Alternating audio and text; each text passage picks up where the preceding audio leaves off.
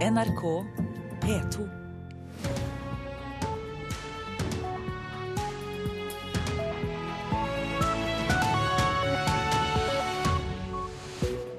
Her skal vi i Nyhetsmorgen gi deg et eh, enda bredere nyhetsbilde.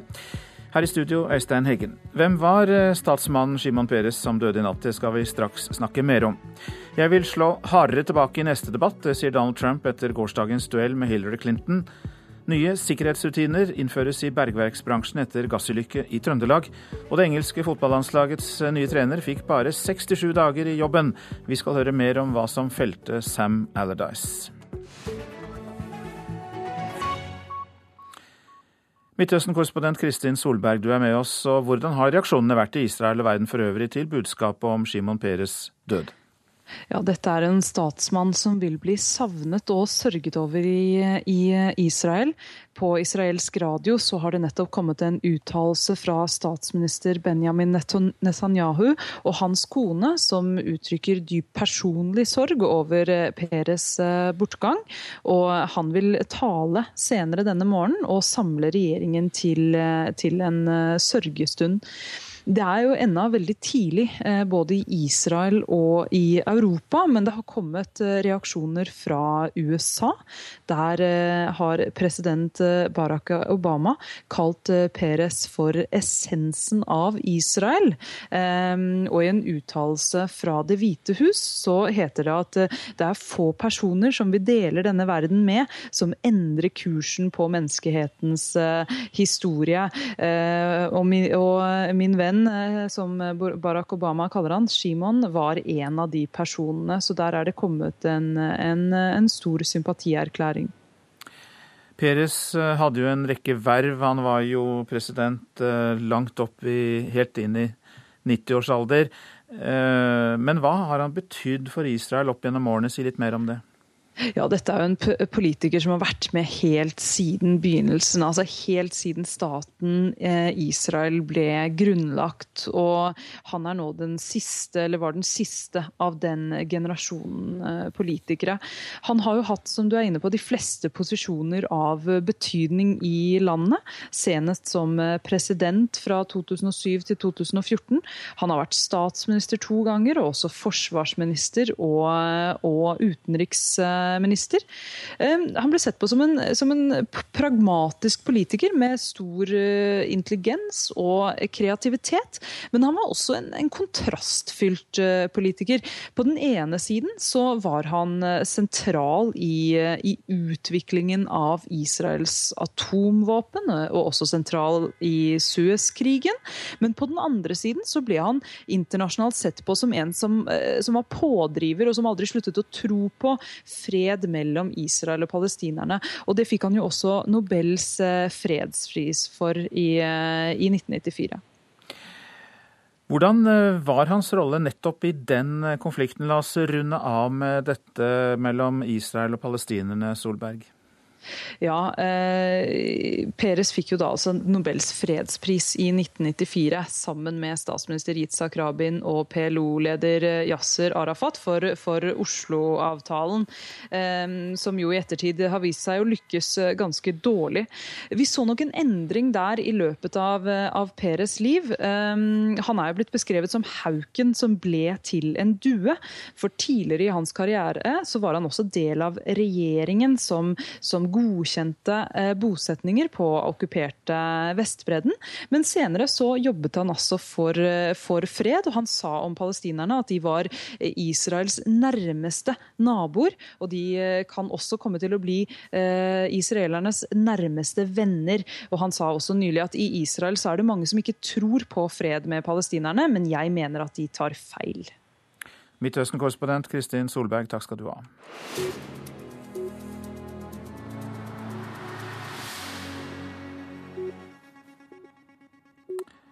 De amerikanske presidentkandidatene er tilbake i kampmodus etter gårsdagens duell. Rekordmange 84 millioner amerikanere så debatten, og knuste dermed rekorden fra 1980, der Carter møtte Reagan. Republikanernes Donald Trump sier han vil slå hardere tilbake neste gang. For 90 minutes, I watched her very carefully. And I was also holding back. I didn't want to do anything to embarrass her. Han sier at han studerte Hillary Clinton under hele debatten, og hinter om hva som kan være i vente når de etter planen møtes igjen om halvannen uke. Jeg holdt igjen, ville ikke gjøre henne forlegen, sa Donald Trump på et velgermøte i vippestaten Florida. Han har Bill Clintons utroskapsanklager i tankene. For 90 minutes she argued against change while I called for dramatic change. We have to have dramatic change. We have to get rid of Obamacare. Hun argumenterer mot endring, mens eh, jeg vil ha dramatisk endring, sier Trump. Fjernsynsduellen ble ifølge analyseselskapet Nielsen sett av rekordmange 84 millioner, ikke inkludert dem som så debatten på nett eller på debattvaker. On issue after issue, Hillary Clinton defended the terrible status quo. De to kandidatene stilte forskjellige diagnoser på USAs problemer. For seerne var det som om de snakket om to forskjellige land. Wow. Også Hillary Clinton var ute på velgermøter i går kveld, i Nord-Carolina. Delstaten vipper mellom å stemme på demokrater og republikanere, og er den der flest er ansatt av militæret. Clinton brukte anledningen til å fortsette angrepene mot Trump. Hun trakk fram hans fornærmelser mot kvinner, og at han ennå ikke har lagt fram selvangivelsen. He to support our troops or our vets or our schools or our healthcare systems. Clinton, som eh, framsto som mest forberedt under presidentduellen og ble kåret som vinner av debatten, har kalt halvparten av Trumps støttespillere for beklagelige eller sørgelige. Hun fikk Trump til å si at han er smart, som har lurt seg unna skatt tidligere. Og hun forsøker nå å tegne et bilde av en forretningsmann som ikke bryr seg om andre. I got to that point where I said, well, maybe he's paid zero. He said that makes him smart. Now, if not paying taxes makes him smart, what does that make all the rest of us? Meningsmålinger før duellen viste at Trump har spist opp det store forspranget Clinton hadde. Enkelte viste også dødt løp. I morgen er det ventet nye målinger som kan fortelle mer om hvem som har tjent mest på duellen. Fra Trump-leiren sies det nå, ifølge amerikanske kanaler, at han hadde store øyeblikk, men gikk glipp av muligheter. Det eneste de slår fast, er at i denne uvanlige valgkampen så biter lite på Trump, og han lærer fort. Neste slag står i Missouri om halvannen uke. Anders Tvegård, New York. Hjem til Norge og til en bok jeg sitter med her. Ulik likestilling i eh, arbeidslivet. 22 forskere gjør opp status for likestillingen her i landet, og boka lanseres i dag, bl.a. gjennom en debatt mellom likestillingsminister Solveig Horne og ledere fra arbeidslivets hovedorganisasjoner. Og Redaktører for boka er Siktona Halrynjo og Mari Teigen. Velkommen til deg. Takk for det. For du er nemlig her i studio. Dere jobber ved Kjernemiljø for likestillingsforskning, CORE. Um, Ut ifra det jeg har sett i boka, så kan det virke som det kan bli viktigere å forsvare det som er oppnådd i likestillingen, enn å kjempe for mer? Vel, ikke nødvendigvis. Eh, det er jo fortsatt store utfordringer på likestillingsfronten, f.eks.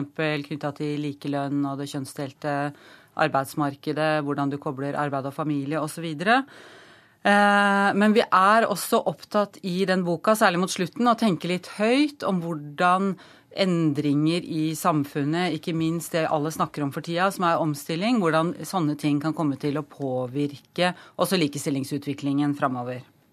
Ja, hva innebærer det? Altså hvilke ting i samfunnet er det som eh, er utfordringer for likestillingen? Det at vi må omstille fra en oljeøkonomi til andre ting? Ja, altså oljen har jo utvilsomt vært veldig viktig for den gode norske økonomien, men det har jo faktisk også kvinners høye yrkesaktivitet vært. Og der er det jo et moment, og det er at eh, det er ca. 40% av de yrkesaktive kvinnene som jobber deltid. Så der ligger det jo fortsatt et ganske stort potensial når det gjelder skatteinntektene, å få flere eh, kvinner til å, å jobbe heltid. Men så er det når det gjelder omstillingene, så det er, ikke, altså det er ikke vanskelig å være bekymret, særlig når man er samfunnsforsker. Men, men, eh, men, det er noe med at et mer internasjonalisert og digitalisert arbeidsliv eh, kan på en måte utfordre eh, det rettighetsorienterte arbeidslivet vi har, og den arbeidstidskulturen vi har eh, i Norge, på noen nye måter som også kan gjøre det vanskeligere å få til en positiv likestillingsutvikling. Ja, hvordan kan disse endringene la oss være konkrete, virke inn på en barnefamilies hverdag i Norge, da? Ja, altså det har, det har jo vært altså F.eks. digitaliseringen har jo for mange så har det jo vært et stort framskritt fordi at det har gitt store, mye større muligheter for fleksibilitet. At du kan jobbe litt mer eh, når du vil og hvor du vil. Men samtidig så er det klart at eh, altså, jo mer internasjonalisert eh, arbeidslivet blir, så vil vi bli påvirket av arbeidstidskulturer i andre land og arbeidsrytmen i, i andre land, som kan innebære at man må være på hele tida. Eh, og så er det noe med at en mer eh, individualisert, eh, konkurranseorientert arbeidsliv vil gjøre at, eller kan føre til, at mange blir nødt til å sette jobben høyere enn familielivet når, når, det, når det, kreves, og det, og det, kan på en måte forvitre den balansen de fleste strever med å få til mellom arbeidsliv og familieliv. Ja, Men betyr det da at den likestillingen som er oppnådd, eller noe av den, er truet? Ja, altså det, det kom, det kom, Jeg tenker at dette er en kjempeutfordring til eh, den politikken som skal føres videre. Jeg tenker at det er en kjempeutfordring til eh, perspektivmeldingen som kommer eh, på nyåret. Eh, jeg har forsøkt å se litt på hvilke problemstillinger som har vært oppe der. Jeg har ikke sett at det så langt har vært noe sensitivitet i forhold til hva innebærer dette her for eh, kjønnslikestilling, og for den saks skyld eh, Altså hvordan, hvordan, skal, hvordan, skal, vi bevare eh, de trekkene ved den eh, nordiske eller norske modellen som vi liker, eh, og samtidig få til omstilling og innovasjon i arbeidslivet? Det får bli en eh, utfordring videre, ikke minst for eh, norske politikere. Takk skal du ha, Mari Teigen, som da er med og har laget denne boka 'Ulik likestilling i eh, arbeidslivet', som blir lansert i dag.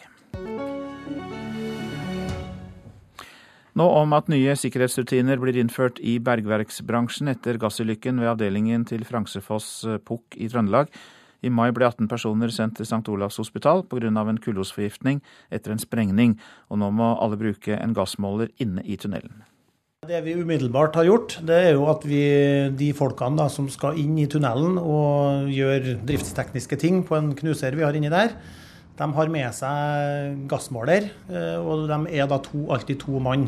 Dessutom er tunnelöppningen nå sperret, så at folk ikke skal kunne gå inn uten at de har tillåtelse eller gassmåler, berättar Vegard Olsen regionsledere for Fransefoss Pukk i Trøndelag. Det gjør vi enn så lenge, og så er det da mulig at vi installerer en permanent gassmåler inni der med varsling. Eventuelt at vi skal montere et friskluftsanlegg. Den 11. mai ble en barne-TV-innspilling avbrutt på et dramatisk sett i Fransefoss Pukkverk avdeling Vassfjell. Et NRK-team med både barn og voksne var på plass inne i en tunnel for å filme, og plutselig begynte folk kjenne seg dårlig. Det viser seg at CO-gassen karbonmonoksid, kjent som kullos, fra en nylig sprengning i nærheten ovenfor bakken, hadde blitt sugd ned i en sjakt og inn i tunnelen der TV-innspillingen foregikk. Noen svimmede av og de to barna måtte bæres ut. Både TV-teamet, ansatte på Pukkverket og flere fra nødetatene ble sendt til St. Olavs etter å ha fått i seg den giftige gassen. Totalt 18 personer. Gjennom målinger i ettertid så har vi jo greid å gjenskapt det samme. Og vi ser jo at det, det kommer gass ned når vi er i nærheten av den sjakta. Og det har vi da ikke opplevd før, fordi vi normalt ikke er inne i tunnelen etter vi har sprengt. Det er første gang det har skjedd? Det er første gangen eh, vi har opplevd det, og vi har ikke funnet noen hendelser fra andre brudd eller tilsvarende plasser i, i, hele verden. Vanligvis så er sprengningsgass noe som man må ta hensyn til når man sprenger under jorden, ikke over bakken, beretter Olsen. Arbeidstilsynet har nå gransket ulykken og har godkjent de nye sikkerhetsrutinene til Fransefoss. Og kunnskapen som har kommet fram under rekonstruksjonene, skal nå sprides videre til kolleger i bergverksbransjen over hele verden. Ja, jeg tror det er viktig at man, når det er så, et så enestående eh, hendelse at andre òg kan ta lærdom av det. Eh, det programmet som vi gjorde på Fransefoss, der hadde vi et veldig godt samarbeid med Fransefoss. Og var opp der på opptak etter ulykken med de to barna som var med. Det går etter forholdene bra med alle involverede, beretter prosjektleder i barne-TV-programmet Litt av en jobb, Hilde Håbjørg. Eh, og redaksjonen jobber fortsatt som vanlig, og vi er veldig glad for at Fransefoss eh, gjør sine tiltak nå i forhold til erfaringer fra ulykken, og at vi alle sammen kom veldig godt ut av det. Reporter var eh, Nares Sakov. Dette er Nyhetsmorgen, klokka har passert 6.48. Vi har disse hovedsakene. Israels tidligere president Shimon Peres døde i natt, 93 år gammel. Peres fikk hjerneslag i september og var innlagt på sykehus. Han var president fram til 2014, hadde en rekke ministerposter i tidligere israelske regjeringer og fikk Nobels fredspris i 1994. Personer uten lovlig opphold i Norge blir avvist av det offentlige helsevesenet. Årsaken er et svakt lovverk og manglende kunnskap, mener Røde Kors. Og vi får mer om det etter klokka sju. Og det blåser kraftig i Sør-Norge. Mange steder er det mye nedbør i vente. Den engelske landslagstreneren Sam Allardyce måtte gå av etter bare 67 dager i jobben, fordi han skal ha bidratt til å undergrave overgangsreglene i engelsk fotball. Sam Allardyce har en tøff stil, og han er ikke den mest intellektuelle fotballmanageren jeg har møtt. Ja, det sier fotballagent Per A. Flod. Og Sam har jo sin spesielle stil.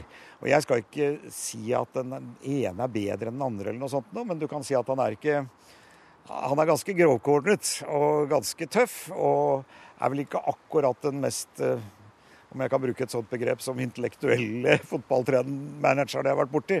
Det var eh, storavisen The Telegraph som i går offentliggjorde opptak hvor Allardyce eh, sier seg villig til å gi råd om hvordan overgangsreglene i engelsk fotball kan omgås, mot en betydelig pengesum.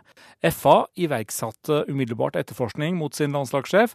Reglene Allardyce skal ha bidratt til å omgå, handler om såkalte tredjepartsoverganger. Dette ble forbudt i England i 2008. I et møte med det han trodde var representanter fra næringslivet i Asia, som i realiteten var journalister med skjult kamera, skal Adderdice ha sagt at det ikke var noe problem å omgå disse reglene. Landslagskarrieren ble dermed rekordkort. Kun én kamp, og så var det over. Det engelske fotballforbundet har sendt ut en uttalelse der det fastslås at eh, dette var fullstendig uakseptabelt, og Allardyce har beklaget til forbundet og sier han gjorde en graverende feil. Allardyce eh, landslagskarriere ble rekordkort, kun én kamp, og så var det over. Og så er det Gareth Southgate som overtar ledelsen inntil videre. Reporter Paul Thomassen. Så var det avisene, da. Det blir flere avganger for, for kollektivtransporten i Oslo, viser byrådets budsjett som legges fram i dag, men Aftenposten kan også fortelle at det blir dyrere billetter. For første gang på ni år går prisene på kollektivtransport i Oslo opp mer enn den generelle prisveksten. De rikeste drar ifra og øker sine formuer med 6 Det gjorde de i fjor, skriver Klassekampen, som gjengir beregninger gjort av bladet Kapital.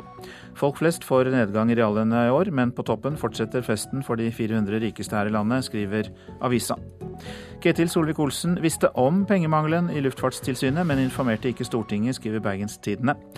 Samferdselsministeren sa at færre tilsyn ikke var knyttet til økonomi, men Luftfartstilsynet skriver i et brev til departementet at det i hovedsak skyldtes dårlig økonomi og midlertidig mangel på inspektører. De ansatte er viktige, er oppslaget i Dagsavisen. En nasjonal studie viser at barn lærer mest i barnehager der det er omgitt av utdannede barnehagelærere. Og antall voksne per barn er også svært viktig for innlæringen.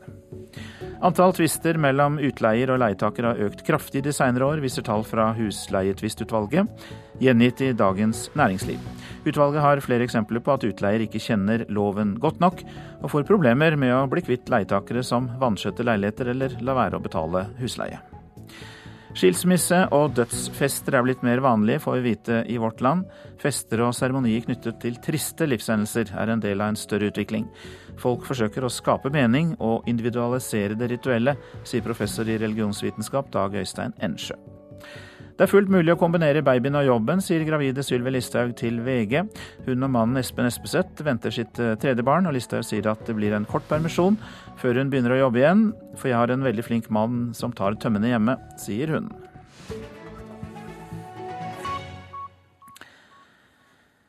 Skal det være mer drama i skolen? Det spørsmålet ønsker drama- og teaterpedagogene å sette på dagsorden, for de aksjonerer før behandlingen av eh, ny eh, melding om fornyelse av eh, grunnskolen. Der foreslår ikke regjeringen noen nye fag, men mange mener at det bør mer drama inn i skolen, og en skole i Oslo har hatt det på timeplanen lenge.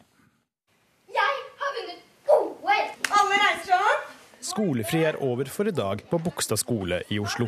Den neste timen skal skolens sjette klasse få gjøre noe få andre på deres alder i landet får gjøre på skolen, og drive med drama. I går holdt organisasjonen Drama- og teaterpedagogene en aksjon på 70 skoler i landet for å vise at flere skoler burde gjøre det samme som Bogstad, i forbindelse med at det 11. oktober blir lagt fram en stortingsmelding om fornyelse av grunnskolen. Og skal vi tro barna selv, så handler dette om langt mer enn bare lek og moro. Når du har drama en time, og timen etterpå, da er det mye lettere å konsentrere seg, for da har man fått brukt kroppen og stemme litt, da. Så da er det mye lettere å sitte stille. Altså, Før vi fikk drama, så var det alltid litt sånn skummelt å skulle komme fram og vise presentasjoner og sånn for hele klassen eller trinnet. Men nå, det, nå, er det mye lettere, fordi jeg vet at ingen av dem vil noe vondt mot meg. Måte, og vi er alle sammen er gode venner. på en måte. Man eh, blir mye mer kjent med hverandre. Det gjør at man blir tryggere på hverandre. da. Så det hjelper jo vanvittig mye. Alle, alle sammen har liksom lyst til å komme fram og snakke for klassen. De som på en måte er veldig trygge på seg selv da, fra før av, de har kanskje blitt litt mer obs på de som ikke er så trygge på, selv, på seg selv, da, og kanskje er litt forsiktige med å le hvis de gjør noe feil, eller å støtte dem når de først rekker opp hånda og sånn. da. Drama hjelper litt til med å vise, eller kjenne hvordan andre personer kan ha det og sånn. Jeg, jeg, føler meg i hvert fall mer trygg nå på noen andre elever som ikke går i klassen min. Men nå etter vi har starta med drama, så føler jeg litt mer trygghet, da. Jeg syns det hjelper veldig i både hverdagen og på skolen. Og Rektor Brynhild Farbrot forteller at de får gode resultater av å bruke én time fra barnas ukentlige fysiske aktivitet til dette. Vi ser at det gir trygge elever. Eh, elever som får eh, alternative måter å uttrykke seg på. Eh, ikke bare skriftlig, ikke bare å stå og lese opp en tekst, men de, de er flinke til å ta andre roller. Åse Olvinglund er én av to lærere på Bogstad skole som er ansatt med erfaring til å undervise i drama, i tillegg til å ha andre fag med elevene. Og hun ser en tydelig effekt blant elevene.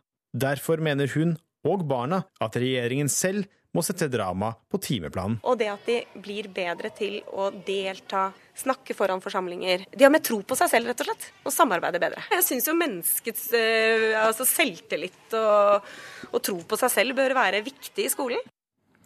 Reporter var Nikolai Voldsdal. Regjeringen skal bruke 44 millioner på sang. Det er nemlig bevilgningen til norske kor. Det settes av 1 million kroner til dirigentutvikling også. Og eh, dette blir klart i rapporten Fleirstemt, eh, som ble lagt fram i går. I fjor etterlyste Stortingets kulturkomité en helhetlig plan for landets korutvikling. Kulturdepartementet inviterte derfor kororganisasjonene til et møte, og nå er rapporten Fleirstemt klar. Jeg vil at mange flere skal ha muligheten til å, å synge i kor, både unge og gamle. Kulturminister Linda Hofstad Helleland sang selv i kor som ung, og nå kommer pengedrysset på 44 millioner kroner landets kor til gode. Det er litt viktig at vi for eh, nå en gangs skyld tenker litt systematisk og langsiktig om hvordan vi kan bygge opp eh, eh, kormiljøene i Norge for å hevde oss internasjonalt. Men også for at vi skal få flere til å oppleve gleden med å synge i kor, både unge og gamle. Og Derfor så setter regjeringa av 1 million til dirigentutvikling, sånn at vi kan satse enda mer på de dyktige dirigentene våre.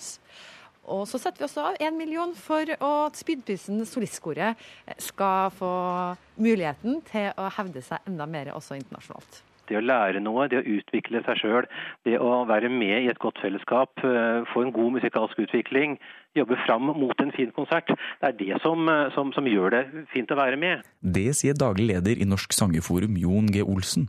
Han er godt begeistret over tilskuddet.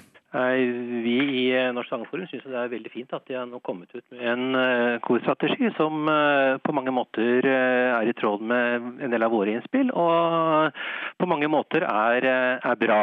Det er klart det er alltid noen ting som ikke er, vi er helt fornøyd med, men helhetsinntrykket er at dette gir et godt grunnlag for videre samarbeid med staten om utvikling av korfeltet.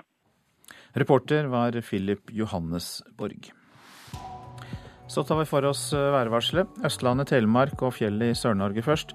Sørvestlig stiv kuling på kysten og i fjellet, dreiende vestlig og etter hvert minkende. Det blir oppklaring i lavlandet, fortsatt byger i fjellet. Og så blir det snøbyger over ca. 1200 meter over havet. Enkelte ettermiddagsbyger kan dukke opp nord for Oslo.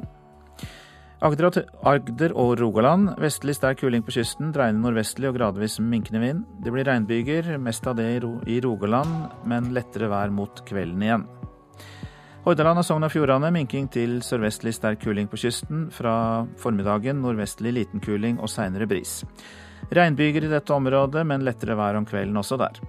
Møre og Romsdal og Trøndelag sørlig liten kuling, sørvest periodevis stiv kuling på kysten. Fra utpå onsdag dreiende vestlig opp i liten storm utsatte steder på kysten og i innlandet. Og regn og regnbyger. Vi går til Nordland, Troms og Finnmark, som får sørlig liten kuling utsatte steder, og stiv kuling på Helgeland og i Øst-Finnmark om kvelden. Oppholdsvær i ytre strøk av Troms og øst i Finnmark, men ellers spredt regn. Spitsbergen enkelte regnbyger. Og så tar vi temperaturer målt klokka fem. Svalbard lufthavn seks, Kirkenes 11, Vardø 10. Alta 11, Tromsø-Langnes 6, Bodø 13, Brønnøysund 12. Trondheim-Værnes og Molde begge 13, Bergen-Flesland 12. Stavanger og Kristiansand-Kjevik 14 grader. Gardermoen og Lillehammer begge 11. Røros med 9 og Oslo-Blindern 12 grader. NRK P2.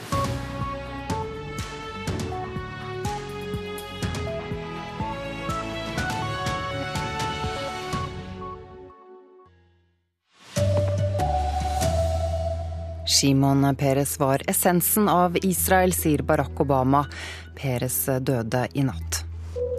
Fylkesmannen måtte bytte e-postadresse etter proteststorm mot ulvejakt. Her er NRK Dagsnytt klokken sju. Den tidligere israelske statsministeren, presidenten og fredsprisvinneren Shimon Peres er død. Det bekrefter hans personlige lege. Peres døde i natt på et sykehus nær Tel Aviv. Og han vil bli savnet i Israel, sier Midtøsten-korrespondent Kristin Solberg på israelsk radio så har det nettopp kommet en uttalelse fra statsminister Benjamin Netanyahu og hans kone, som uttrykker dyp personlig sorg over eh, Peres eh, bortgang. Og han vil tale senere denne morgenen og samle regjeringen til, eh, til en sørgestund. Det er jo ennå veldig tidlig, eh, både i Israel og i Europa, men det har kommet eh, reaksjoner fra USA. Der eh, har president Barack Obama kalt Peres for essensen av Israel.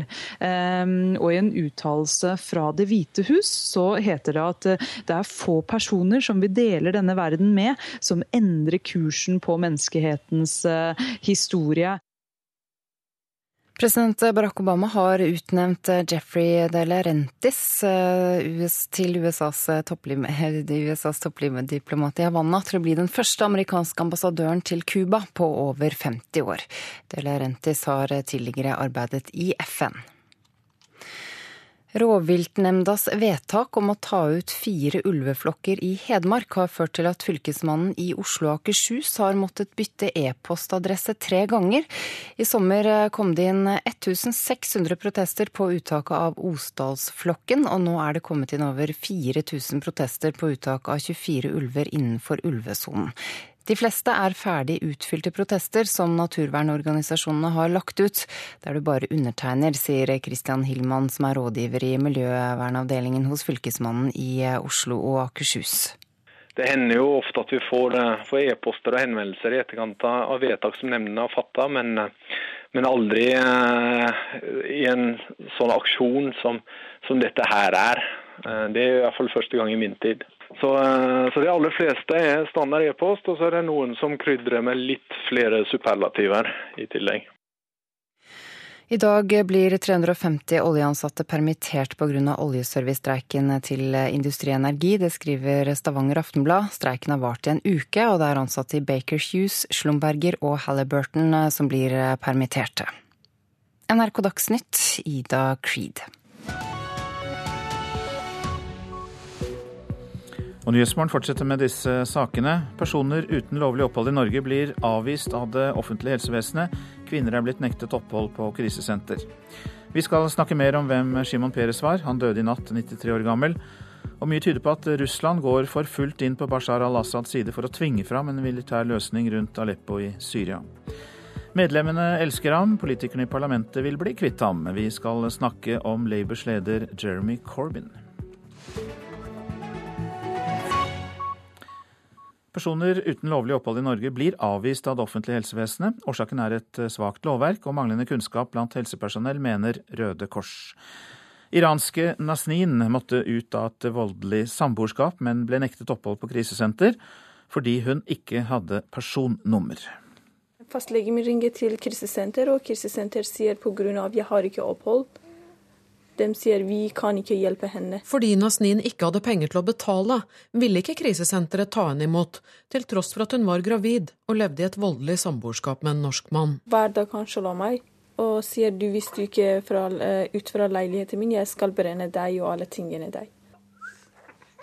Nasnin har nå fått en datter og bor hos slektninger. Fortsatt er hun ulovlig i Norge og har dermed begrenset rett til helsehjelp. NRK møter henne på helsesenteret for papirløse i Oslo, som drives av Røde Kors og Kirkens Bymisjon. Hvert år utfører senteret om lag 3000 konsultasjoner, forteller virksomhetsleder Frode Eik. Vi ser ca. 1000 pasienter i året, eh, og vel, gjør vel 3000 konsultasjoner. Så i gjennomsnitt er folk her tre ganger. da. All helsehjelp ved senteret er gratis, og pasientene kan møte leger, sykepleiere og psykologer og få behandling de ellers ikke ville hatt rett på forteller han. Ehm, dette er jo basert på frivillighet. Ehm, så det er frivillig helsepersonell som kommer her og tilbyr disse tjenestene for denne gruppa. Ja. Mellom 18 000 og 56 000 personer oppholder seg ifølge UDI ulovlig her i landet. Årsaken til at de blir avvist av helsevesenet skyldes i stor grad manglende kunnskap, mener leder av folkerettsseksjonen i Norges Røde Kors, Mats Harlem. Det er mangel på kunnskap, slik vi oppfatter det i helsevesenet, om hvilke rettigheter disse eh, menneskene faktisk har. Gjeldende forskrift sier at personer uten lovlig opphold har rett til øyeblikkelig hjelp og nødvendig helsehjelp som ikke kan vente. Uklart, mener Harlem, som vil at alle som oppholder seg i Norge skal ha samme rett på helsehjelp. Uavhengig av etnisitet, og uavhengig av om du har et lovlig opphold her. Et synspunkt han deler med FN. I en rapport fra 2013 anbefaler FN at Norge sørger for at også personer uten lovlig opphold får rett til alle nødvendige helsetjenester. Men konstituert statssekretær i Helsedepartementet, Maria Jarman Bjerke, er uenig. Først og fremst så vil jeg si at vi mener eh, at det gis et forsvarlig helsetilbud til personer uten lovlig opphold. Eh, vi mener også at det norske regelverket eh, ikke bryter med menneskerettigheter eller våre internasjonale forpliktelser på dette området. Det er sju år siden Røde Kors og flere andre frivillige organisasjoner første gang tok opp spørsmålet om lik rett til helsehjelp. Likevel blir ikke Mats Harlem lei. Nei, altså Røde Kors blir aldri eh, lei av å hjelpe. Det er vårt mandat, og det gjør vi. Men vi mener jo samtidig at dette burde vært unødvendig. Dette burde være et offentlig ansvar. Reporter Kristine Næss Larsen. Svein Aarseth, eh, god morgen til deg. Du er leder for Rådet for legeetikk og en av legene som jobber frivillig på helsesenter for eh, papirløse. Og du mener myndighetene stiller helsepersonell overfor urimelige dilemmaer her? Ja, det, altså du kan si at på en måte så blir vi satt til å utøve grensekontroll, i den forstand at eh, vi må, hvis vi skal leve opp til denne forskriften om helse- og omsorgstjenester til personer uten fast opphold i riket, så eh, må vi på en måte avvise pasienter som helt klart har behov for helsehjelp, men eh, som da ikke fyller kravene. Og i mine øyne så er det sånn at jeg skal vurdere de medisinske forholdene og gi hjelp etter det. Og så får noen andre sørge for innvandringspolitikken. Men myndighetene sier jo her i innslaget at ordningen er god nok, at den ikke bryter med menneskerettighetene? Ja, Det er det vel uenighet om, da. Eh, I tillegg til eh, menneskerettighetskonvensjonen så har man jo Barnekonvensjonen, som eh, sier at barn skal ha samme rett til tjenester uavhengig av deres status. Og det samme gjelder gravide kvinner. Eh, og det får de ikke i Norge. Og nå snakker vi jo også bare om helsehjelpen, altså møte med helsepersonellet. Men En annen side er at du heller ikke på noen måte har rett til hjelp til å kjøpe medisiner. De må de skaffe selv for egne penger. Men når dere som leger skal eh, vurdere en person som kommer som ikke har de eh, nødvendige rettighetene til å være her, hvordan, hvilke vurderinger foretar dere i det du kaller legenes er tvunget til å foreta en grensekontroll? Ja, Vi har jo flere eksempler på at f.eks. barn i utgangspunktet er blitt nektet nødvendig helsehjelp utover det rent uh, akutte fordi at man har en forventning om at de skal reise ut av landet innen tre uker, som jo er da forskriftens krav til nødvendig helsehjelp som ikke kan hjelpe, vente. Ja, hva er grenselandet der mellom det akutte? Altså Hvis man er i ferd med å dø, så må legen trø til å gjøre noe. Men hvis det er andre ting som gjelder medisinering litt fremover i tid, så får man ikke det, da? Nei, skal man ta forskriften på alvor, så får man ikke det. Et eksempel kan jo da være en uh, diabetiker som uh, får uh, høyt blodsukker, blir lagt inn pga. det. Man gjør det man må gjøre, skriver pasienten ut igjen. Vedkommende har ikke tilgang til insulin, og fort skjer det samme igjen. Og så er det slik at det også er et problem, mener du, at disse papirløse pasientene også da må betale for helsetjenesten. Hvorfor er det et problem? Det er jo et problem fordi at disse i utgangspunktet ikke har penger. Og retten til å få helsetjenester uten hensyn til økonomi er jo også nedfelt i f.eks. For forskriften om økonomiske, sosiale og kulturelle rettigheter. Mm. Altså konvensjonen, mente jeg. Så alle i Norge som kan betale for seg, har jo ikke noe problem med å skaffe helsetjenester. Det er jo det som skaper Forskjells-Norge. Eh, men disse kan altså ikke betale seg for seg. Mener du at det da bør være så enkelt, Svein Aarseth, at eh, et menneske er et menneske uansett eh, hvor det er, at man har rett til all helsehjelp som enhver nordmann får? Nei, det mener jeg ikke. Men det skal iallfall ikke avvises på nødvendig helsehjelp, og det går langt utover det som forskriften legger opp til. Takk skal du ha, Svein Aarseth, leder for Rådet for eh, legeetikk. Kvart på åtte, det er en drøy halvtime til. Så er det Politisk kvarter, og hvem er det som kommer inn i ditt studio, programleder Bjørn Myklebust? Venstre kommer. For eh, høstens store sak i norsk politikk er dragkampen med regjeringen om hvor grønt statsbudsjettet for neste år skal bli. Og denne uken ble det klart at de at de ikke blir enige før budsjettforslaget kommer. Det skjer torsdag neste uke. Venstre avslo forslaget til løsning regjeringen la på bordet. Og der kommer min andre gjest inn, Miljøpartiet De Grønne. For hvor dyr bensin og diesel bør vi ha neste år? MDG mener Venstre er altfor puslete i møte med de blå. Dette kan vi få svar på 7.45 Politisk kvarter.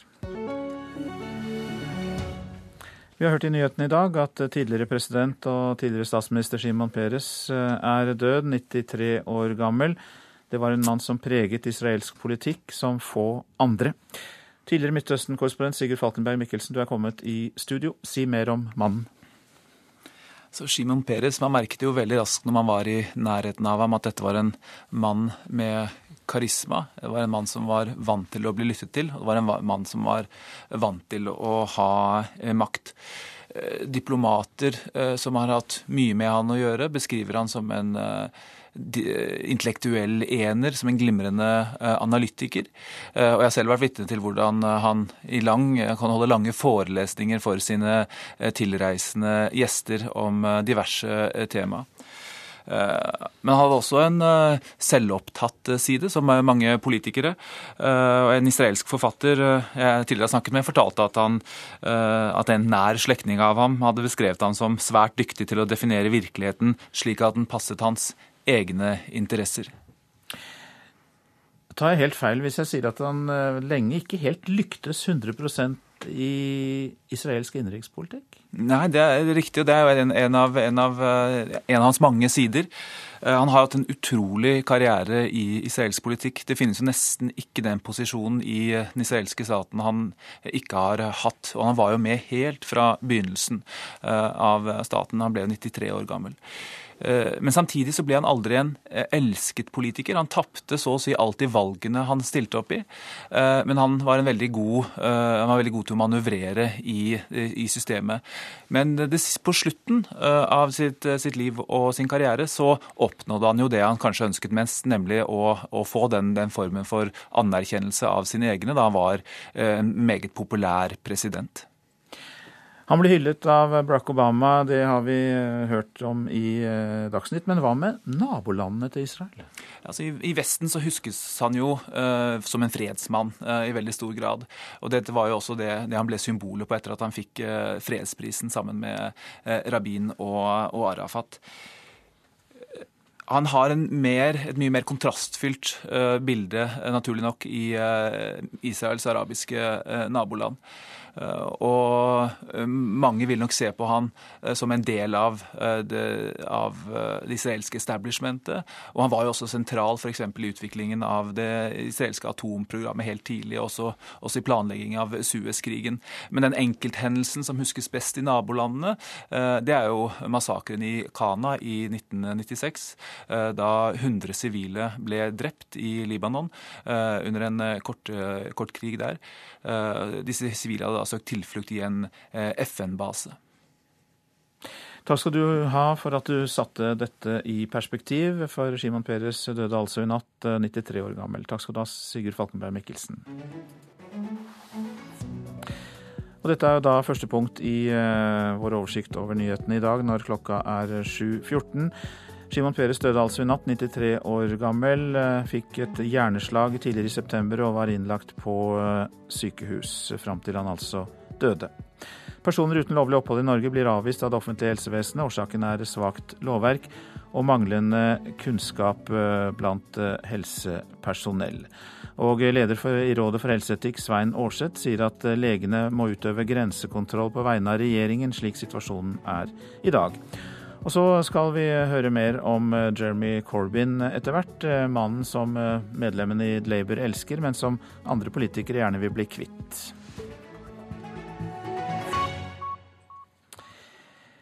Ja, du lytter altså til Nyhetsmorgen, og vi skal over til konflikten i Syria. Russland offentliggjorde i går kveld hele teksten fra den avtalen som ble inngått med USA for å forsøke å få til en våpenhvile og rundt Syrias nest største by Aleppo.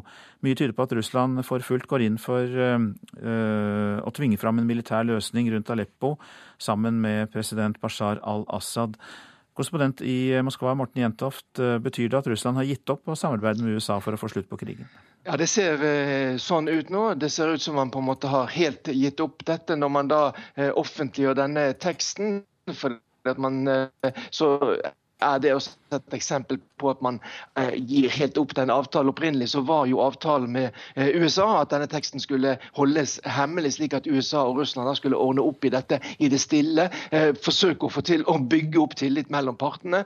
Eh, fra russisk side så mener man da at man ikke har fått til det. Amerikanerne har offentliggjort deler av avtalen. Derfor så uh, offentliggjør nå russerne da hele avtalen som et, nærmest et symbol på at den også er død. Og I praksis så ser vi jo det at uh, russiske fly nå også har kastet seg inn i bombingen av eh, Syria, av Aleppo, i alle fall utkanten av byen. Sånn at nå er det helt tydelig at eh, russerne prøver å tvinge fram en militær løsning eh, til fordel for president Bashar al-Assad. At hans styrker skal ta kontroll over, over Aleppo. Der russerne bomber, bor det mennesker, sivile, i tettbygde områder i Aleppo. Er det noen reaksjon på det i det hele tatt i Russland? Det det som er ganske skremmende. På russisk TV så eh, ser vi først og fremst bilder eh, av eh, framgangen til de regjeringstro styrkene, altså styrkene til Bashar al-Assad, som da slåss mot det som man her i Russland kaller terrorister. man viser til at amerikanerne også driver og bomber, at de har da sine, sine, droner over dette området. her. Man viser veldig få, eller nesten ingen, bilder eh, som kan være resultat av den bombingen som de syriske regjeringsstyrkene eller de russiske flyene har gjort. Sånn at I Russland så er veldig mange i den eh, tro at eh, russerne fører en kamp mot terrorister, mot den islamske staten i Syria, og at de sivile tapene de er minimale. Og det skjer med de kraftigste maktmidler. Hva er Russlands mål da i Syria nå? Ja, det ser ut som målet er å tvinge fram en, en, militær løsning rundt Aleppo, at uh, Assad skal få kontroll over denne byen, og så da forhandle ut ifra uh, militær styrke. Uh, det ser ut som han da har helt gitt opp og forsøker å få til en våpenhvile rundt Aleppo. Sånn at målet er tydeligvis å gi Assad en best mulig forhandlingsposisjon, og så se hva som eventuelt kan komme ut av disse, disse forhandlingene. Syria er jo fremdeles Russlands eneste støttespiller av betydning i Midtøsten. og det er tydelig at uh, man setter mye inn også militære midler på å beholde da, dette, dette, støttepunktet i Midtøsten. Takk skal du ha, Martin Jentoft eh, fra Moskva. Vi beklager den litt eh, hakkete telefonlinjen vi hadde dit. Vi håper at det er en bedre linje til deg i London. Espen Aas, god morgen til deg. Ja, i Liverpool til og med. God morgen. Ja, du er til og med i Liverpool. For der fortsetter jo eh, landsmøtet i Labour, det burde jeg skjønt. Men At du er der, nemlig. Men eh, Jeremy Corbyn er jo da fortsatt eh, leder. Han fikk 62% av stemmene da han ble på en måte valgt på ny. Han tilhører jo venstrefløyen i partiet og ble overraskende valgt av en grasrotmobilisering, kan vi si, for et års tid siden. Ja, Hvordan har reaksjonene vært etter at han nærmest ble ja, født på ny som leder, kan vi si? Ja, så Hoveddelen av de om lag 11 000 Labour-medlemmene som er her i Liverpool på landsmøtet, er nok eh, begeistret. Vi skal huske på at det har vært en rekordstor tilstrømming av nye medlemmer siden han tok over i fjor. Partiet har nå om lag 600 000 betalende medlemmer, og det er nesten en tredobling siden Labour tapte valget i fjor. Så det har vært litt av en eh, massemønstring, og flere jeg har snakket med føler at de nå har kommet hjem til et parti som har da flyttet seg ganske langt til venstre i eh, politikken. Men så har vi da denne ganske store parlamentariske gruppen da, og deres støttespillere som ikke er så fornøyd, eh, men som snakker nå mer i krokene enn åpent om sitt nederlag.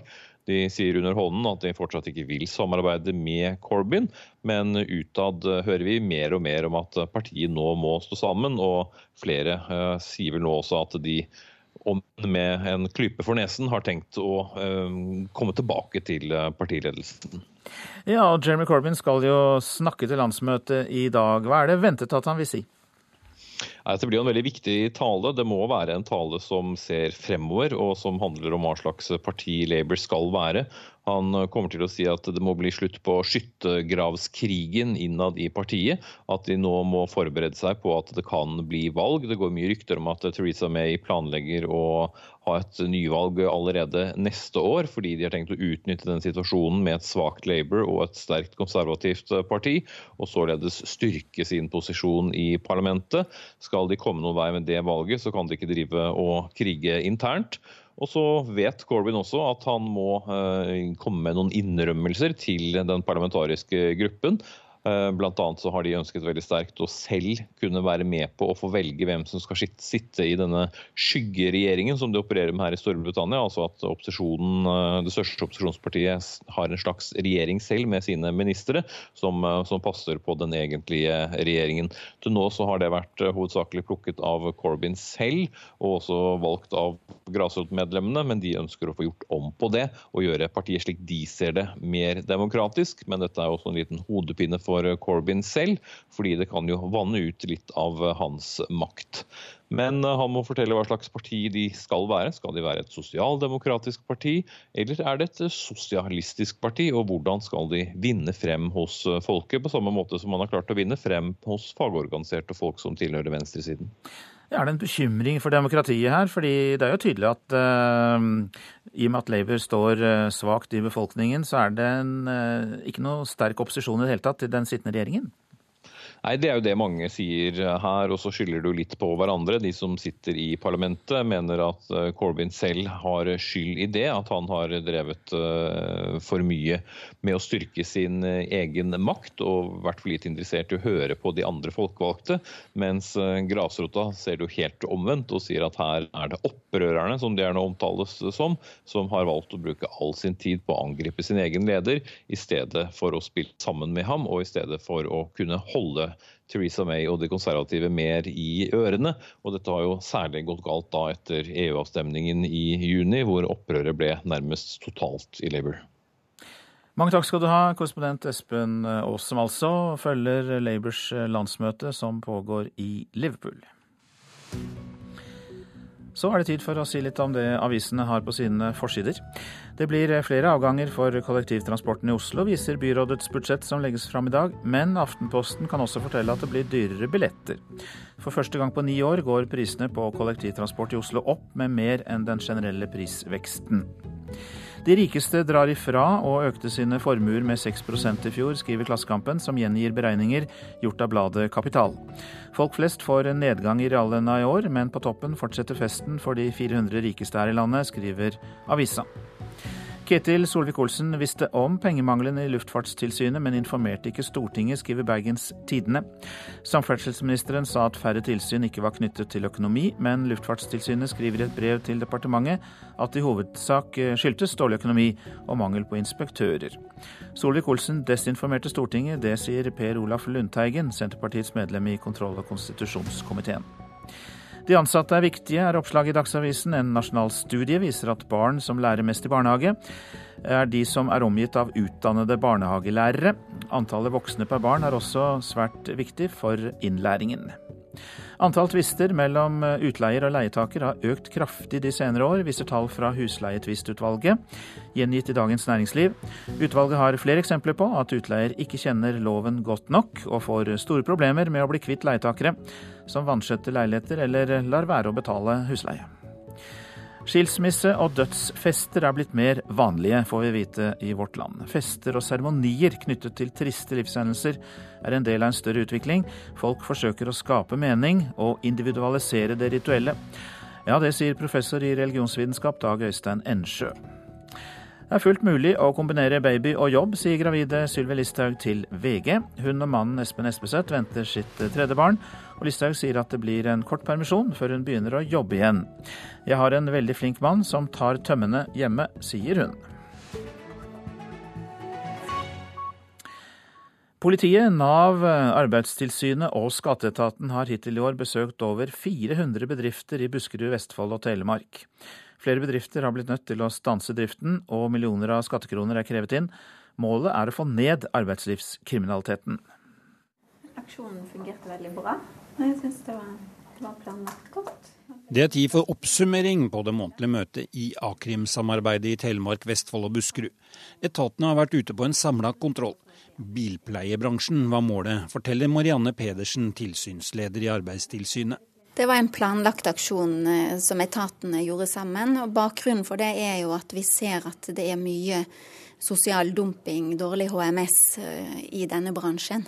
Men det er ikke bare bilbransjen som havner i søkelyset. Ja, Det vi ser det er jo bygg og anlegg, renhold og òg en del innenfor restaurant.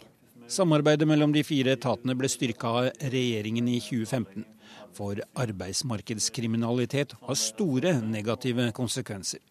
Svart arbeid, skatteunndraging eller sosial dumping er noen av stikkordene. Før var det enklere å komme unna med sånt, forteller leder for økoteamet i politiet, Odd Høyås. Ja, tidligere så jobba vi stort sett på samme måte, men vi hadde ikke eh, felles etterretning. Og da jobba vi gjerne med de samme aktørene, uten at vi kjente til at den enkelte kontrolletat jobba med de samme. Ja, det er vel ikke for så vidt noe særlig. Når etatene nå setter seg rundt møtebordet, er flere formelle hindringer fjernet, bl.a. taushetsplikten. Det gjør det enklere å dele puslespillbiter og sette dem sammen. Da dukker det opp bilder av kriminelle nettverk, forteller Høyås. Ja, Vi får jo tilgang til mer etterretningsopplysninger gjennom samarbeidet. Har du fått noen overraskelser når du ser eh, enten bransje eller firma eller andre ting? Ja, vi har jo fått en del saker som har eh, forgreininger i, i nettverk som, som, gjør at eh, de er komplekse og veldig omfattende. Når det gjelder nettverk og kriminalitet, er det én bransje som peker seg ut, forteller prosjektleder for a-krimsamarbeidet, Jens Erik Holmås. I første omgang så er det bygg og anlegg. Eh, det er der mye av arbeidsmarkedskriminaliteten foregår, og det er noe av det groveste organiserte kriminaliteten er. En måte å stanse slikt på er altså store, samlede aksjoner. Den første kom i gang våren 2015. Ja, Vi så det at eh, skulle etatene få fart på samarbeidet sitt, så måtte vi samle oss og dra ut på en felles aksjon og samle informasjon. Så Vi hadde 22 team på veien da i mai i fjor. Som var ute og besøkte 378 byggeplasser for å samle det vi trenger for å kunne starte en innsats mot arbeidsmarkedskriminalitet. Slikt blir det resultater av. Bl.a. er det funnet fem kriminelle nettverk. 14 bedrifter eller innehavere er stoppet. Ti personer uten gyldig opphold er utvist. Og det er beslaglagt millioner av skattekroner. Det forteller Jonas Resare hos kemneren i Grenland. For fylkene Buskerud, Telemark og Vestfold så kan vi i alle fall vise til at vi har sikret krav for på skatt for 10,3 millioner og på moms for 1,2 millioner. Og det er tall som vi er foreløpig veldig fornøyde med. Og så regner vi med at de tallene kommer å øke også framover. Hva slags mål har dere satt dere i en overskuelig framtid?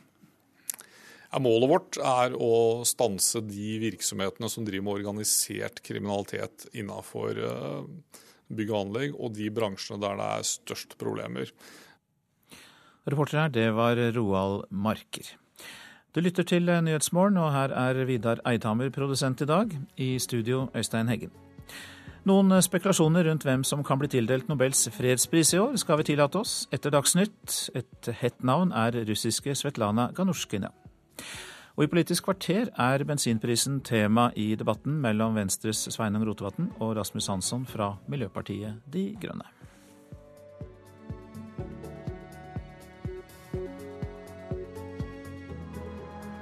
NRK P2.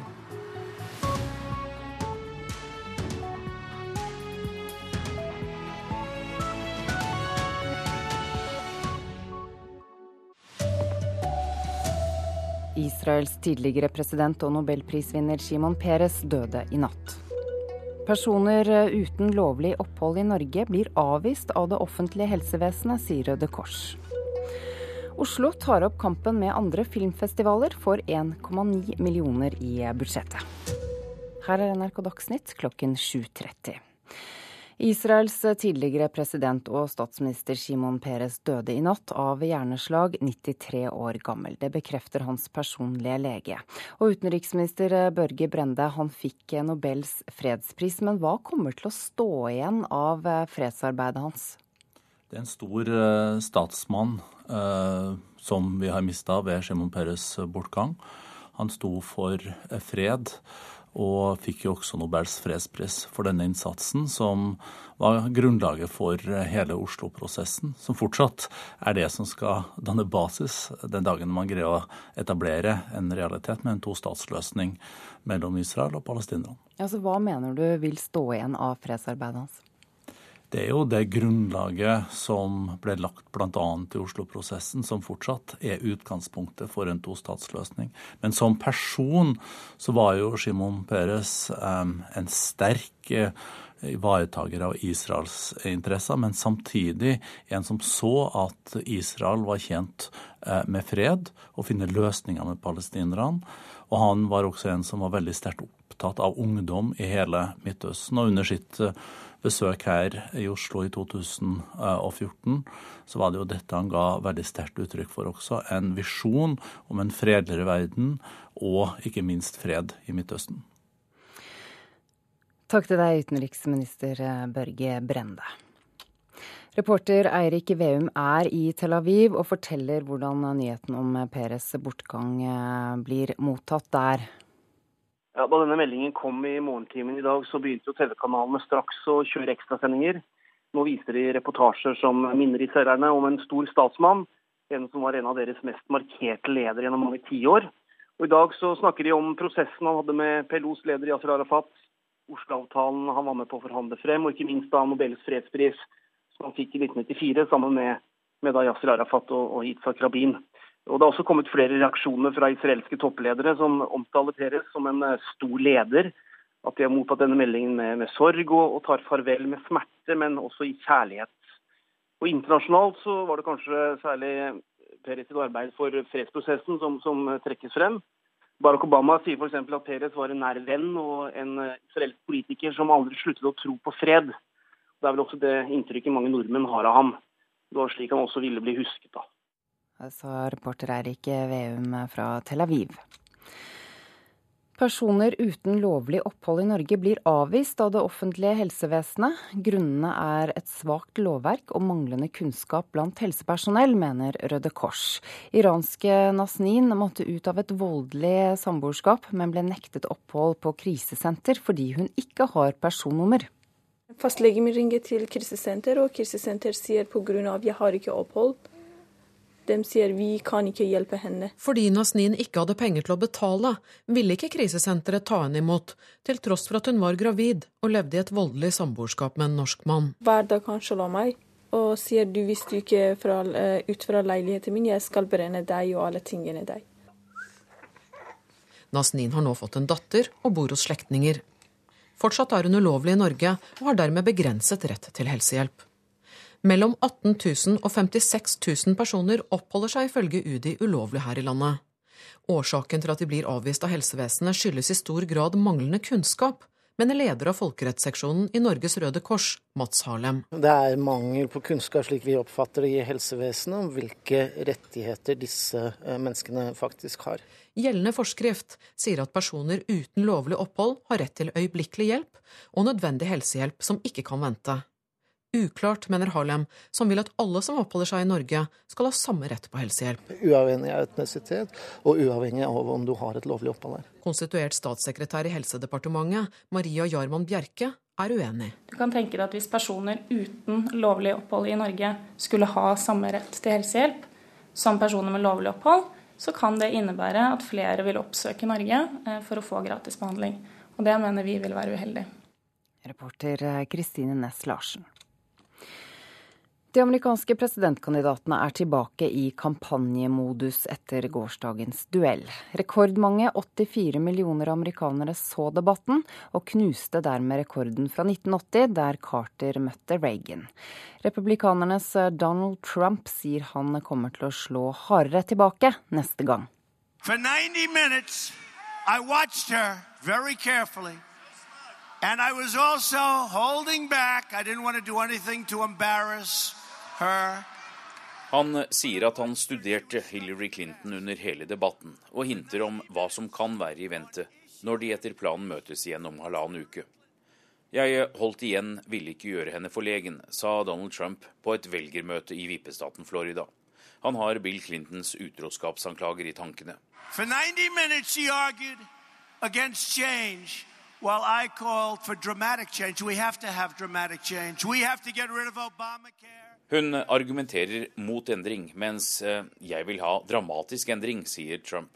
Fjernsynsduellen ble ifølge analyseselskapet Nielsen sett av rekordmange 84 millioner, ikke inkludert dem som så debatten på nett eller på debattvaker. On issue after issue, Hillary Clinton defended the terrible status quo. De to kandidatene stilte forskjellige diagnoser på USAs problemer. For seerne var det som om de snakket om to forskjellige land. Også Hillary Clinton var ute på velgermøter i går kveld, i Nord-Carolina. Delstaten vipper mellom å stemme på demokrater og republikanere, og er den der flest er ansatt av militæret. Clinton brukte anledningen til å fortsette angrepene mot Trump. Hun trakk fram hans fornærmelser mot kvinner, og at han ennå ikke har lagt fram selvangivelsen. He to support our troops or our vets or our schools or our healthcare system. Det, eh, var utenriksreporter eh, Anders Tvegård som hadde laget denne saken. Omstillingen fra oljeøkonomien skaper utfordringer for eh, likestillingen i norsk arbeidsliv. Det sier Mari Teigen ved Kjernemiljø for likestillingsforskning. Hun er redaktør for en ny bok som heter Ulik likestilling i arbeidslivet. Et mer internasjonalt arbeidsliv kan true den norske arbeidslivskulturen, sier hun. Jo mer internasjonalisert eh, arbeidslivet blir, så vil vi bli påvirket av arbeidstidskulturer i andre land og arbeidsrytmen i, i, andre land, som kan innebære at man må være på hele tida. Og så er det noe med at en mer eh, individualisert, eh, konkurranseorientert arbeidsliv kan føre til at mange blir nødt til å sette jobben høyere enn eh, familielivet når det kreves, og det, og det kan på en måte forvitre eh, den balansen de fleste strever med å få til mellom arbeidsliv og familieliv. Teigen frykter det kan bli vanskeligere å få til en fortsatt positiv utvikling på likestilling i norsk arbeidsliv. Hun mener den store utfordringen for politikken som skal føres videre, er som følger. Hvordan skal vi bevare eh, de trekkene ved den eh, nordiske eller norske modellen som vi liker, eh, og samtidig få til omstilling og innovasjon i arbeidslivet? Reporter Milana Knesevic. Oslo Pix, som er navnet på Oslos nye filmfestival, får 1,9 millioner kroner i budsjettet som legges frem i dag. Kulturbyråd Rina Mariann Hansen sier at det dermed er klart for festival i hovedstaden neste sommer dette byrådet til å satse på Oslo som filmby. Vi har jo veldig gode erfaringer fra vi hadde innspilling av 'Snømannen' her. Og vi har også lagt fram en filmmelding hvor vi ønsker å gå breiere ut, både når det gjelder å få flere innspillinger, få flere alternative visningssteder, og også da å etablere en ny filmfestival i Oslo. Det gjør vi for å rett og slett sette Oslo på kartet. Det er jo ikke mange andre hovedsteder som ikke har sin egen filmfestival. Eh, så det skulle egentlig nesten bare mangle at ikke Oslo også nå eh, satser på det. Ønsker dere da å ta opp kampen med andre filmfestivaler? Eh, jeg tror at Oslo er interessant nok i seg sjøl til at vi kan etablere en egen filmfestival her. Det blir jo kanskje en litt annen nise enn hva f.eks. man har i Tromsø, eller kanskje hva man har også i andre land. Men det er jo åpenbart sånn at Oslo begynner å bli veldig interessant. Det skjer mye her på filmfronten. Både internasjonale produksjoner som vil komme hit, men også at vi har et veldig sterkt filmmiljø i Norge, som også mange andre land ser til. Reporter Tone Staude. Ansvarlig for Dagsnytt Sven Gullvåg. I studio Ida Creed.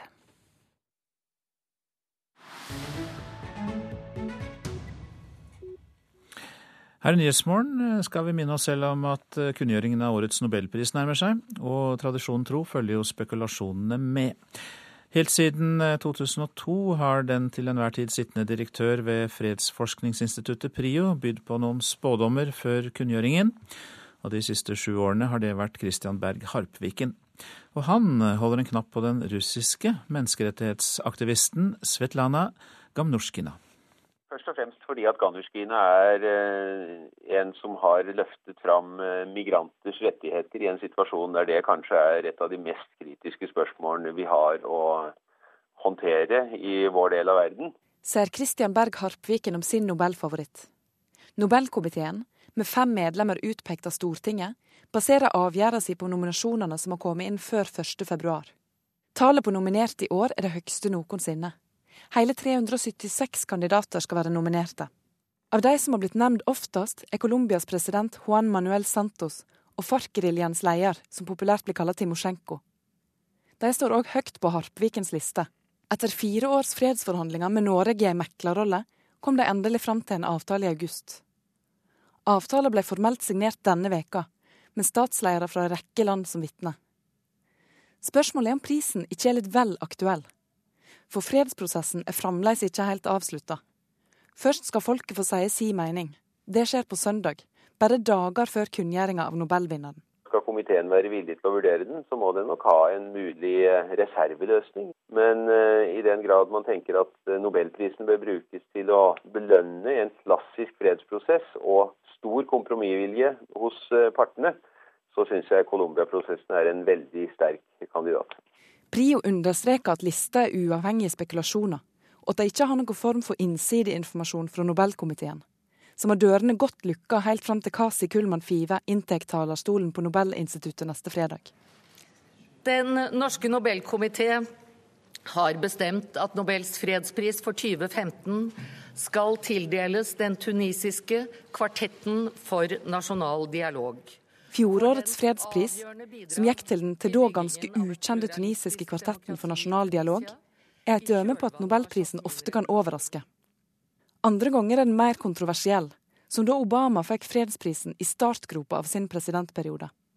Av kontroversielle kandidater i år finner vi varsleren Edward Snowden. Snowden er på alle måter en joker. Det har allerede vært mye debatt om hvordan Norge skal forholde seg til et eventuelt Snowden-besøk både i samband med Bjørnsonprisen, som han fikk i fjor, og Sjetski-prisen, som han vant i år. Harpviken tror at det vil sitte langt inne å gi prisen til varsleren. Men samtidig snakker Snowden til en av de aller viktigste spørsmålene i vår tid. Og han har vist en eh, refleksjonsevne rundt disse spørsmålene, informasjonssikkerhet, eh, etterretning, privatlivets fred, som få andre kan måle seg med. Lista er god blanding av hva PRIO-direktøren tror, og hvem han synes komiteen burde satse på. Og selv om det så langt ikke har blitt delt ut en nobelpris til førstemann på PRIO-lista, ser han ikke vekk fra at det kan skje i år. Jeg eh, tror jeg har gode sjanser til å gjette riktig i år, men eh, komiteen kan velge blant hvem som helst av verdens eh, innbyggere og hvilke som helst organisasjoner på, på kloden. Så det er klart at man skal ha både god teft og litt flaks for å treffe. Når det er sagt, så ser jeg jo tilbake og ser at eh, mange av mine spekulasjoner har vist seg å ligge tett på det som komiteen har endt opp med. Det er kanskje ikke så lett å treffe på toppkandidaten i de gitte år, men eh, over tid så syns jeg egentlig ikke at det er så dårlig. Priosjef Kristian eh, Berg-Harpviken sa det til reporter Gunhild Årdal. Dette er hovedsaker i Nyhetsmorgen. Israels tidligere president og nobelprisvinner Shimon Peres døde i natt, 93 år gammel. Peres fikk hjerneslag tidligere i september og var innlagt på sykehus. Personer uten lovlig opphold i Norge får ikke nødvendig helsehjelp. Grunnene er svakt lovverk og manglende kunnskap blant helsepersonell, mener Røde Kors. Omstillingen for oljeøkonomi skaper utfordringer for likestillingen. Det sier Mari Teigen ved Kjernemiljø for likestillingsforskning. Et mer internasjonalt arbeidsliv kan også true den norske arbeidslivskulturen, sier hun. Det blåser kraftig i Sør-Norge, og mange steder er det mye nedbør i vente. Meteorologisk institutt har sendt ut oppsvarsel for deler av Sør-Norge. Og så er det Bjørn Myklebust som er klar. Han er nemlig programleder for Politisk kvarter.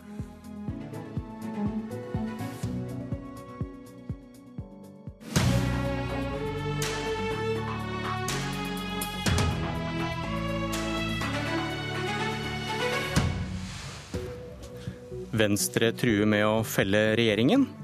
Regjeringen tilbyr 15 øre dyrere bensin for å løse floken. Venstre takker nei.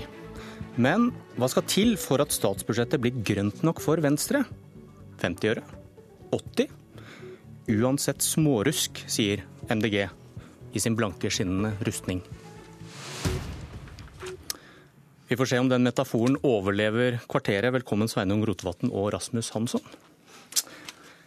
Rotevatn først, stortingsrepresentant for Venstre. Dere, dere klarte ikke å bli enige om disse drivstoffavgiftene før budsjettforslaget kommer fra regjeringen i, i neste uke. Eh, hva forteller det om sjansen for å bli enige?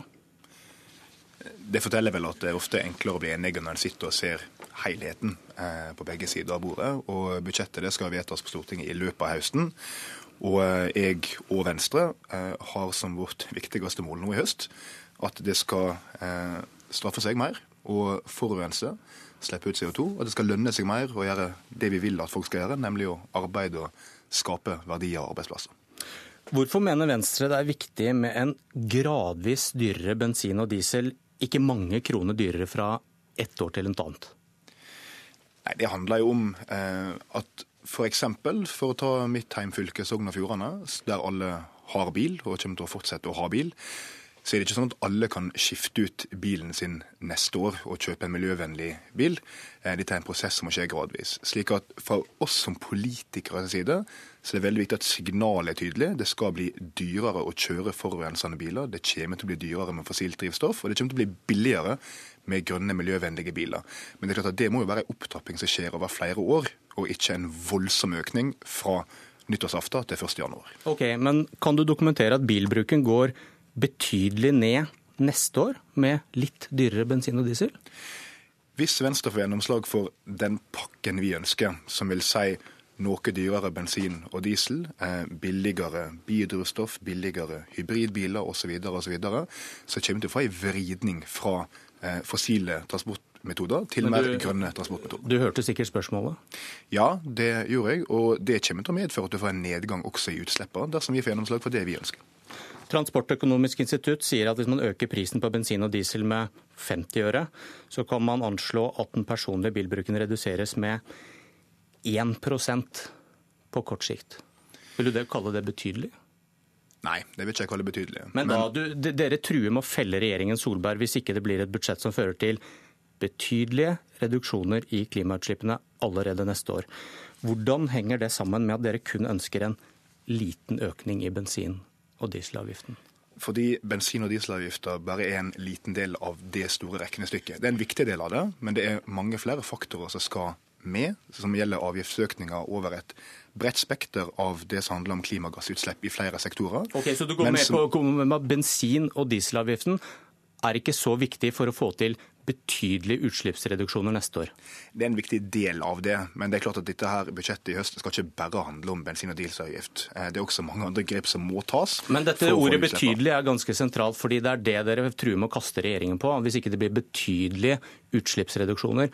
Og hva annet da enn bensinavgifter kan føre til det? Hvordan skal du få ned bilbruken, eller flybruken for den saks skyld, da, neste år for å innfri deres eget løfte? Nå har vi jo gjort en del allerede som kan vise litt av retning her. Eh, vi har økt eh, innblandingsforbudet for biodrivstoff. Det har en effekt. Vi har innført ei flyseteavgift. Det har en effekt. Vi har gjort det billigere å kjøpe hybridbiler det har en effekt. Og Dersom vi nå fortsetter på den veien, og i tillegg øker opp avgiftene på bl.a. bensin og diesel gradvis over flere år, så vil det i sum føre til en betydelig endring. Men problemet ditt er at dere krever at det blir betydelig kutt allerede neste år, ikke gradvis over flere år. Så jeg får ikke det til å henge sammen at du argumenterer for en gradvis økning i bensinprisen, men dere vil felle regjeringen hvis ikke dere får betydelige kutt allerede neste år. Og da må vel bilbruken drastisk ned? Bilbruken må ikke drastisk ned fra et år til et annet, men du må ha en tydelig nedtrapping over flere år. Ikke nødvendigvis i bruken av bil, men i utslippene som kommer fra bilene. Det er derfor du må vri bilparken, okay, slik at den kjører mange, mer miljøvennlige biler. Hvor mange tonn er betydelig, da? For da kan vi måle om dere får til det dere sier, og ikke bare tilpasser da resultatet til, eh, til eh, når eh, Venstre legger fram sitt alternative budsjett, så kommer det om et par uker, så vil du få alle tallene du etterlyser for alle sektorer. Og det vil også se hvor mye utslippene vil gå ned som følge av det. Det kan du for øvrig også se. Vi leser vårt alternative budsjett for i år. slik at det er ingen tvil om at våre ambisjoner her er at vi skal oppfylle det vi har forplikta oss til i Parisavtalen. Og det er klart at Når transportsektoren står for 30% av utslippene i Norge, så må også den være med å bidra i betydelig grad. Dere går ikke med på at dere har lovet litt for mye når dere sier at dere skal kutte betydelig neste år, og så krever dere da opp mot en krone i økte drivstoffavgifter? Nei, for det, det, vi kommer til å jobbe med er jo en større pakke som skaffer utslippskutt over flere sektorer. Men selvfølgelig, det er jo ingen hemmelighet at nettopp bensin- og dieselprisen er jo noe som har skapt mye uenighet eh, mellom partier på borgerlig side. Og Det er derfor det også har blitt en del diskusjon om det, og det tror jeg vi kan slå fast, og det kommer det til å bli også i høst. Rasmus Hansson, talsperson for Miljøpartiet De Grønne. Hva tenker du om Venstres kamp for drivstoffavgiftene med regjeringen? Jeg har uh, stor sans for eh, Venstres forsøk på å gjøre budsjettet grønnere. Jeg skjønner godt dilemmaene uh, det er i. Uh, så vi støtter i og for seg Venstres intensjon fullt ut. Problemet er todelt. Det ene er selvfølgelig at Venstres leder har vært veldig høy og grønn uh, i sin omtale om hva hun skal få i dette budsjettet. Uh, og så er det altså veldig lite man faktisk snakker om f.eks. å øke uh, drivstoffprisen. Og så må det sammenlignes med virkeligheten. Og virkeligheten er at denne regjeringen har lovet å kutte 40 av utslippene i transportsektoren de neste 13 åra. Og det er en, en fullstendig dramatisk endring av norsk transportpolitikk. Det betyr at vi må kutte i omkring 0,8 millioner tonn hvert år i utslipp. Og Forskningen er veldig klar. Den sier at for at nordmenn skal begynne å kjøre betydelig mindre bil, og for at vi skal få til noe sånt nå, så må bensinprisen opp i, og dieselprisen opp i, i type 25 kroner for at folk skal reagere. Det, Men, det er, en, det er ren forskning. Hva, hva, mener, hva mener dere må, må til med bensin og diesel neste år, hvis man skal ta da løftet på alvor betydelige kutt? Da sier vi eh, to ting. Vi er jo enige at vi må trappe opp, men vi er faktisk nødt til å ta realiteten innover oss. Eh, og en, eh, en økning i bensin- og dieselprisen på rundt fem kroner vil være voldsomt i en politisk sammenheng, men et realistisk svar på de forpliktelsene som Norge har inngått. Og så vil Miljøpartiet De Grønne samtidig gjøre to ting. Eh, vi vil rulle ut eh, el-ladenett og eh, biodrivstoffstasjoner over hele landet veldig fort. og Det er fullt mulig å gjøre og fullt overkommelig økonomisk, sånn at muligheten til å kjøre nullutslipp er veldig rett. Og det andre vi vil gjøre, er den femmeren vi tar inn på økte bensin- og drivstoffpriser, vil vi dele ut igjen som en såkalt klimabelønning, som gjør at alle får en, alle borgere får en lik andel av de pengene tilbake. Eh, og i praksis betyr det at man flytter en del penger fra de som forurenser mye, til de som forurenser lite. Så det blir en oppmuntring, eh, ytterligere oppmuntring til å skifte fra fossil. Men prisene må opp, ikke fordi Miljøpartiet De Grønne syns det er gøy å sette opp priser, men fordi Erna Solberg har lovet det norske folk og verden eh, at eh, vi skal gjennomføre dramatiske utslippskutt i transportsektoren, og da må han faktisk gjøre det. Rotevatn han har vel, som jeg var inne på i stad, transportøkonomene med seg. At det må, det må kraftigere lut til når det gjelder bensin og diesel. Ja, Så langt går jo heller ikke Miljøpartiet De Grønne. Eh, men eh, vi i Venstre og Miljøpartiet De Grønne er jo enige om retninga her. Men det er eh, et par viktige forskjeller. For det første så forsøker vi nå å få til et budsjett i Stortinget som kan få ikke én stemme, men minst 85 stemmer, og faktisk bli vedtatt og føre til ekte endring. Det er jo jobben vi står overfor nå. Det andre er jo at det er klart at for en gjennomsnittsfamilie, hvis du øker opp drivstoffavgiften med fem kroner fra ett år til et annet, så vil bety at drivstoffutgiftene til en eiendomsfamilie øker med 40% fra nyttårsaften til 1.1. Og Det tror jeg vil være ganske dramatisk for mange. Jeg tror Det folk flest trenger nå, det er et tydelig signal fra Stortinget om hva retning utviklinga kommer til å gå. sånn at når de skal sitte rundt middagsbordet og ta en beslutning om å investere i sin neste bil neste år eller året etterpå eller året etter det, så skal ikke det være noen tvil om at det bør være en nullutslippsbil eller en lavutslippsbil. Men skal vi nå øke opp avgiftene på det som er forurensning, og det skal vi, så må vi også bygge ut alternativer. Vi må sørge for å bygge ut jernbane, flere elbil-ladepunkt osv. Så, videre, og så, videre. så dette okay. må henge sammen. Man Må kanskje bytte ut betydelig med noe da, i disse kravene der? Nei, det kommer til å være. Altså, det, det, det, det, som er helt avgjørende her, det er jo eh, norsk politikks manglende vilje til å forholde seg til klimarealitetene og våre egne løfter. For alle argumentene om at det vil være vanskelig eh, å gjennomføre en politikk med kraftige økninger i drivstoffprisene, de er isolert sett gode nok. Men de henger overhodet ikke sammen med de klimaløftene som denne regjeringen kommer med, og som Venstre er en hovedeksponent for. Man er ikke villig til å sette inn de virkemidlene som gir det resultatet okay. som man har lovet. Men da må jeg høre med deg, Hansson, for eh, du sier eh, fem kroner, det er minimum neste år. Hvor mye øker dere bensin- og dieselavgiften i, med i deres alternative budsjett for i år? For, for 2016. Ja. Ja, det tallet har jeg ikke rett foran meg, men eh, det har sikkert du. Eh, og det er sannsynligvis, det eh, Og det er sannsynligvis for lavt, fordi vi har rett og slett ikke sittet for det første med, med Parisavtalen, og for det andre med de forskningstallene. La meg opplyse deg. er de forskningstallene nye? Av, har de, kommet, har de forskningstallene kommet ja, i år? Ja, De er fordi kommet i år. Dere har 50 øre på diesel og 1 krone på bensin. Mm -hmm og nå vil dere ha fem kroner. Og det har ingenting å si med at dette her ble den hete saken i dragkampen mellom Venstre og regjeringen, og så har dere litt lyst til å være Nei, sentrale i debatten? Det det har noe å, å, gjøre med, det er at i mellomtida så har Norge uh, forplikta seg til å kutte 40 uh, av sine utslipp sammen med EU, og vi har skrevet gjennom Parisavtalen. Nå er dette blitt en forpliktelse som skal gjennomføres. Men dette har jo da dere kjempet vi, for lenge, det er jo ikke noe, har, dere endra jo ikke politikk etter vi, Parisavtalen? Vi har kjempet for det lenge, og jeg kan, har jo ikke noe problem med å si at det vi foreslo i 2016-budsjettet, eh, som eh, i 2016 var radikalt da også. Vi var de som la suverent mest på eh, prisene. Men Det kan virke det var, som litt opportunisme, Hansson, ja, når dere kommer med en femmer nå, når dere har 1 krone og 50 øre i budsjettet? Absolutt ikke. Det vi har gjort, det er at vi har satt oss ned og regnet på hva skal til for å oppfylle uh, avtalen med EU, og for å kutte 40 i løpet av de neste 13 årene. Uh, det er 0,8 eh, millioner tonn kutt i veitrafikken hvert år fra og med neste år fram til 2030. Og så prøver vi å, å, omsette det i økte bensinpriser. Og det egentlige svaret fra forskerne er altså at bensin og diesel må koste 25 kroner. Selv Miljøpartiet De Grønne syns at det er litt for heftig. Okay, eh, Men vi tar altså konsekvensene av det, de nye tallene og øker bensinprisen så mye. og Da spiller det ikke noen rolle at vi ikke var tøffe nok i årets budsjett. Poenget er det er dette som må til for å gjennomføre det. Og okay. det er der vi utfordrer Venstre. Vi er nødt til å snakke sant når vi lover. Stemmer det han sier, at det er helt ny kunnskap at man må øke bensinprisen med mer enn en krone, mye mer enn en krone, for å få til eh, drastisk endring i brukervannene? Kom det i år? Nei, eh, det er jo ikke det. og Dette står jo ikke til truende. fordi De klimaforpliktelsene Norge har inngått, det å kutte 40% i samarbeid med EU, Det var jo klart lenge før eh, Miljøpartiet De Grønne vedtok sitt alternative budsjett i fjor. Eh, for Venstre sin del så handler Men du vet heller ikke om det, denne nye kunnskapen kom i år, for da får vi få faktasjekkerne der ute til å begynne, begynne å jobbe på det? Altså, den kommer fra Cicero, Cicero Og det visste man ikke før? Ja, altså, vi har Tøy, har ikke de hatt tall på dette her tidligere? Tøy, Tøy har sagt i 20 år at ja, vi må opp i 25 kroner ja, for å få nordmenn til å kjøre mindre.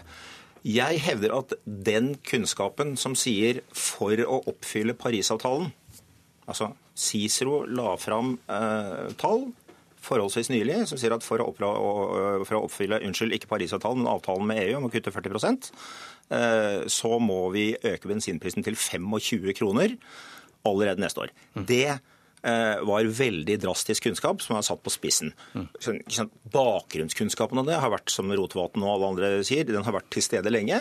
Men det var Cicero som satte det tallet på dagsordenen. Da reagerte vi, og jeg er helt enig i at det var for bleikt det vi gjorde til neste år, men det var fortsatt mye tøffere enn det alle andre gjorde. Men nå tar vi altså på konsekvensen av Dere hadde 93 øre i deres alternative budsjett? Ja da, og jeg tror folk opplever at Venstre er eh, både forutsigbare fra ett år til et annet. At de ser tydelig hvilken retning vi ønsker å gå i, at det er kunnskapsbasert. Og at vi både i fjor, året før og i år jobber for at vi skal få et budsjett som blir faktisk vedtatt i Stortinget med et flertall, som peker til en tydelig retning der det lønner seg mer å drive miljøvennlig, kjøre miljøvennlig, jobbe miljøvennlig. Men du, til slutt, hva, hva er det som får deg til å tro at Erna og Siv vil gi etter i høstens budsjettforhandlinger? Eh, det er to ting. Det første er at en i budsjettet i fjor forplikta seg til det. Og det andre er at eh, jeg tror at både Erna og Siv og Høyre og Frp ønsker å fortsette å sitte i regjering og jobbe sammen med Venstre.